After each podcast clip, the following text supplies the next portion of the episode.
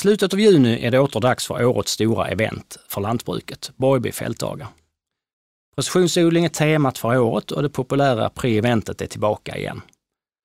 Om det och allt annat som händer under arrangemanget ska vi prata om i dagens Mitt Lantbruk.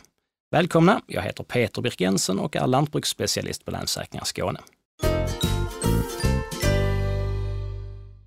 Med mig i studion har jag Anna Larsen från arrangören HIR Skåne. Ni drar igång programmet för Borgby fältdagar redan den 26 juni, alltså dagen innan eventet officiellt börjar. Vad är det ni bjuder på på det här pre-eventet, Anna? Ja, alltså eh, pre-eventet är ju egentligen ett sätt för oss att fördjupa mässans tema. Där man får chansen att, att gräva ner sig lite i mässans tema som vi gärna vill visa fram och som är ett viktigt diskussionsämne. I år är det precisionsodling. Så det är en heldagskonferens den här pre-eventet. När man väl kommer in på mässområdet så är det väldigt mycket annat som, eh, som ska hinnas med och som är viktigt på plats. Så det här är liksom för de som verkligen vill fördjupa sig i det. De som verkligen är nördar på det. Hur många, brukar, hur många platser är det till pre-eventet? Alltså vi eh, tycker att litet och, litet och intimt är bra, men en, vi hoppas ju på en 150 gäster och det får vi nog ganska lätt. Det var yeah. nästan uppåt en 200 förra året tror jag, men där tycker vi det är lagom. Liksom precis lagom mm. mängd med mm. ungefär 200 personer. Ja. Ja. Nej, det är hur spännande som helst och det är ett bra sätt att utveckla det hela också och fördjupa sig, precis som du säger. Mm. Ehm, årets tema är som vi precis nämnde precisionsodling. Och för den som vill fördjupa sig lite grann i ämnet eh, redan nu, så innan ni besöker Borgby fältdagar så handlar ju vårt förra avsnitt av Mitt Lantbruk om just detta. Så gå in och lyssna på vår hemsida eller ladda ner Mitt Lantbruk där poddar finns. Eh, om man vill uppleva precisionsodling live, vad kan man få se på Borgeby då, Anna?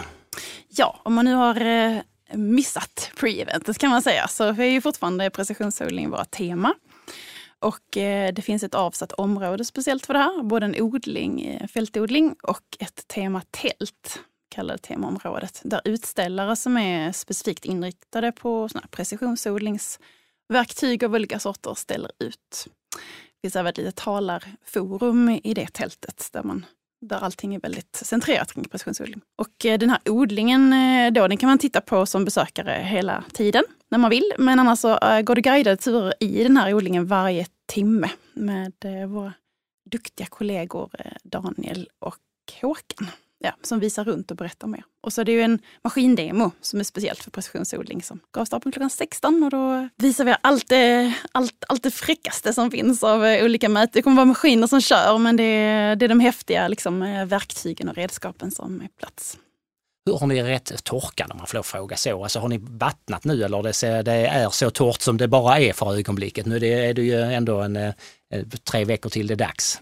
Ja, nej, vi, eh, vi tvingas ju att eh, hålla bevattningen igång eftersom vi, precis som många andra lantbrukare i området som har möjlighet att, att, att vattna med åvatten där, eh, mm. har specialgrödor och försök som som förväntar sig ja. fina ut för mm. att man ska ha någonting att visa. Så. Gropen är också ett stående inslag under fältdagarna. Är det några nyheter i den i år? Ja, alltså det som besökaren först kommer slås av är att den ligger på en helt annan plats. Herregud, då kommer man ju gå vilse. Jag vet. det finns skyltar. Ja. Den, den har flyttat till en ny plats och vi flyttar ju den den är ju flyttad förut. Eh, var fyra år sedan sist tror jag om jag inte missminner mig. Och då grävs den på nytt för att man ska kunna visa nya saker och få en eh, ny jordmån eh, att titta på. Det som är nytt, extra nytt för år, det är ju, förutom att den är flyttad, så är det också dit flyttat ganska mycket jord från andra delar av Skåne.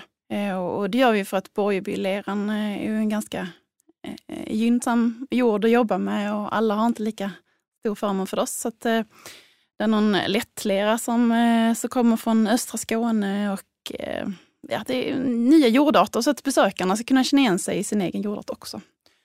Då måste ni haft en lång framförhållning så jorden hinner sätta sig och fått det redan på plats lite grann i fjol mm. etc. Alltså det här är nu, den här gruppen ska ju ligga här nu i, i fyra år. Ah, ja. Det är planerat redan till 2021 här för att vi ska mm. hinna se effekter. I år så är det raps vid olika såtidpunkter och eh, kalkat på bredden och tvären. Så det, det kommer kanske synas mer efterhand så med den här nya jord, jordlager som vi har flyttat. Det är inte mer än några decimeter djupt. Men eh, det är spännande ändå se. Ja, hur spännande som helst ju, som mm. sådant.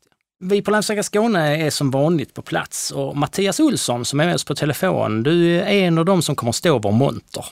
Eh, välkommen Mattias! Tackar! Eh, du arbetar alltså som skadeförebyggare och det är just på hur man ska förebygga skador inom lantbruket som du gärna vill trycka speciellt på. Eh, vad, vad är det för någonting som vi kommer att se i montern här i år? I år har vi fokuserat på lite två olika saker. Det är, vi har kommit med en landskapsmodell där vi kommer att byggt upp en eh, ja, gård i lite mindre skala. Där vi kommer ha lite grann stallar, maskinhallar som man kan tänka på där. Lite maskiner, vad man bör tänka på när man är ute och kör. Och, eh, och sen kommer en del där vi kommer handla om lite om solceller, installationer och montering av solceller.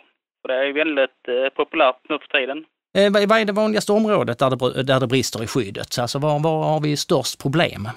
Det största som jag brukar säga det är alltså elinstallationer. Att de börjar bli eh, föråldrade och även eh, ja, slitage. Det är ändå en tuff miljö våra lantbrukare har. Både i djurstallar och i torkanläggningar och sånt. Så det är mycket, mycket sånt, men det är mycket sådana råttor och möss som kommer till kablar och gnagar på dem. Men det stora i år är alltså att vi har en solcellsanläggning och där vi visar hur man tar och monterar denna rätt eftersom det finns mycket felmonterat ute om jag förstår det rätt. Ja, det stämmer. Mm. Vi kommer visa, det kommer vara både paneler, hela kabeldragningen ner till växelriktaren och från växelriktaren till nätet. Vad man ska tänka på i de olika delarna. Då så. Vad kan man annars uppleva i vår monter under fältdagarna, förutom, förutom det skadeförebyggande arbetet? Vi kommer ha eh, personal på plats både från Vasa Kredit, från Agria, om det är djurförsäkringar, från banken. Man kan prata med våra duktiga rådgivare. Man kan få helhetsdelen mm. från oss där. Och Agria kommer att prata om gröda också förmodar jag, förutom djuren? Ja, det också. Ja, en monter fylld av kunskap alltså. Då så, då får jag tacka Mattias Olsson och Anna Larsen och så ses vi på Borgby fältdagar här om tre veckor ungefär. Mm. Tack så mycket! Tackar! Tack. Tillsammans med Borgby fältdagar arrangerar Länsstyrelsen Skåne även två panelsamtal. Det ena handlar om matfusk och går av stapeln den 28 juni klockan 14 och då kommer vi bland annat att ha med oss riksdagsman Kristina Yngve samt en representant från ICA i panelen. I det andra samtalet ska vi diskutera ägarskifte. Det är den 27 juni, alltså första dagen och även det klockan 14. Panelsamtalen kommer även att sändas live via Länssäkringar och Borgby fältdagars hemsidor. Det går även bra att lyssna på det i efterhand i vår podd Mitt lantbruk. Nu i vår har Länssäkringar Skåne tillsammans med LRF Ungdom undersökt lantbruksungdomens syn på ägarskifte och vilka möjligheter de tror de kommer att ha när det gäller att ta över och driva ett lantbruk. Vi har med oss LRF Ungdomens ordförande Emilia Astrenius Widerström på telefon. Ja, hallå? Resultatet av undersökningen är ännu inte publicerat, men tror du du kan säga någonting om hur dina medlemmar resonerar när det gäller möjligheten att ta över lantbruket efter sina föräldrar? Ja, och det som vi har pratat med olika medlemmar, men även vad vi har sett ute i våra regioner i LF-ungdomen är ju att det fortfarande är väldigt oklart bland många medlemmar på hur man ska gå tillväga i ett generationsskifte. Det, det, är väldigt mycket frågor och väldigt mycket funderingar man har kring just ägarskiftet hemma, men även också kanske att man är anställd på en gård och funderar också i de här banorna på hur ska jag komma in i de här branscherna. Eh, och det, det, man kan säga är ju att ett av våra vanligaste aktiviteter ute i regionerna är ju just att anordna eh, ägarskifteskvällar. Och, och då, då menar du då alltså att eh, man måste komma igång och börja tänka och börja fundera på det. Det är, det som är, är det det största hindret eller vad är, vad är det största hindret när man ska ta över en gård? Ja, det, det största hindret kan ju vara, en, en av de här sakerna är tillgång till kapital. Eh, det vi märker är ju att gårdarna idag blir ju dyrare och eh, bankerna har hö, höga krav på vad som ställs till företagaren också. Eh, så det är ju en av aspekterna. Sen så de andra aspekterna är ju också att man kanske inte börjar prata om ägarskifte i tid inom familjen. Att eh, man förstår nog inte riktigt hur lång, vad ska man säga, startsträcka det faktiskt är från det att du har bestämt dig till att ingå i företaget till liksom slutresultatet av det också. Ehm, och just de här mjuka delarna om man har syskon, hur löser man det på ett bra sätt? Hur liksom man kommer till en konstruktiv lösning till ett generationsskifte. Vad skulle man kunna göra för att det ska bli lättare för ungdomen att ta över efter föregående generation? Förutom då att prata inom familjen givetvis i tid, men vad skulle man mer kunna göra?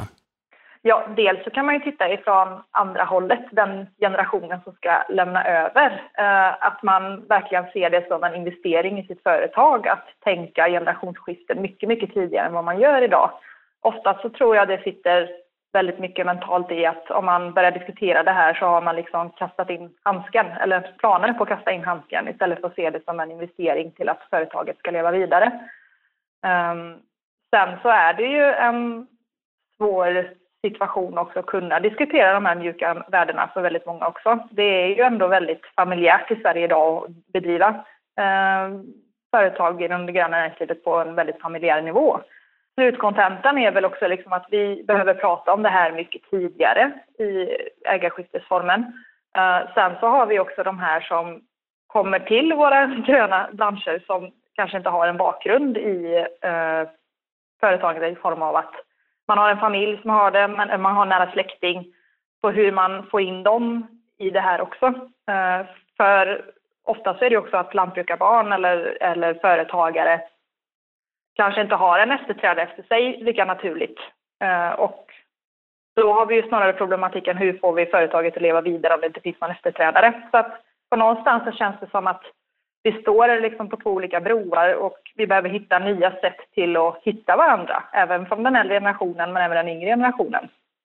Kanske det till och med är så att ibland kanske det är lättare att som anställd att ta över sin arbetsgivares gård för då är det inte så mycket känslor involverat om jag tolkar det rätt. Ja, det är både ja och nej på den. Det är ju fortfarande så att det är nog många som går där som anställda och undrar eh, hur ska man ta det här, eller berätta fråga på ett bra sätt också. För på något sätt så har det ju varit en tradition i Sverige och tänka att det ska vara i en generationsskifte fortfarande. Att det är också någonting som vi behöver diskutera på hur ska de, de formerna se ut när det är från en anställd till eh, företagaren. Eh, så jag tror det finns mycket att förbättra där och det är ju det som är så bra med den här enkäten som vi faktiskt har gjort ihop nu, att vi får lite mer hands-on på vad är bekymret. För att eh, just i ägarskiftesfrågorna så är det ju inte en lösning på det här utan det här måste kunna anpassas beroende på situation och hur företaget är tänkt att leva vidare. Då säger jag tack för att du varit med i Mitt Lantbruk. Tack så jättemycket. Jag ska tillägga att Amelia kommer ni höra mer av under panelsamtalen om generationsskifte som äger rum på Borgeby fältdagar den 27 juni. Det var allt för idag. Nästa gång vi hörs blir det från just Borgeby fältdagar då vi spelar in på plats. Hör oss då och till dess lyssna på våra poddar på vår hemsida www.lansforsakringar.se skane mittlantbruk eller där poddar finns. Jag heter Peter Birkensen, på återhörande.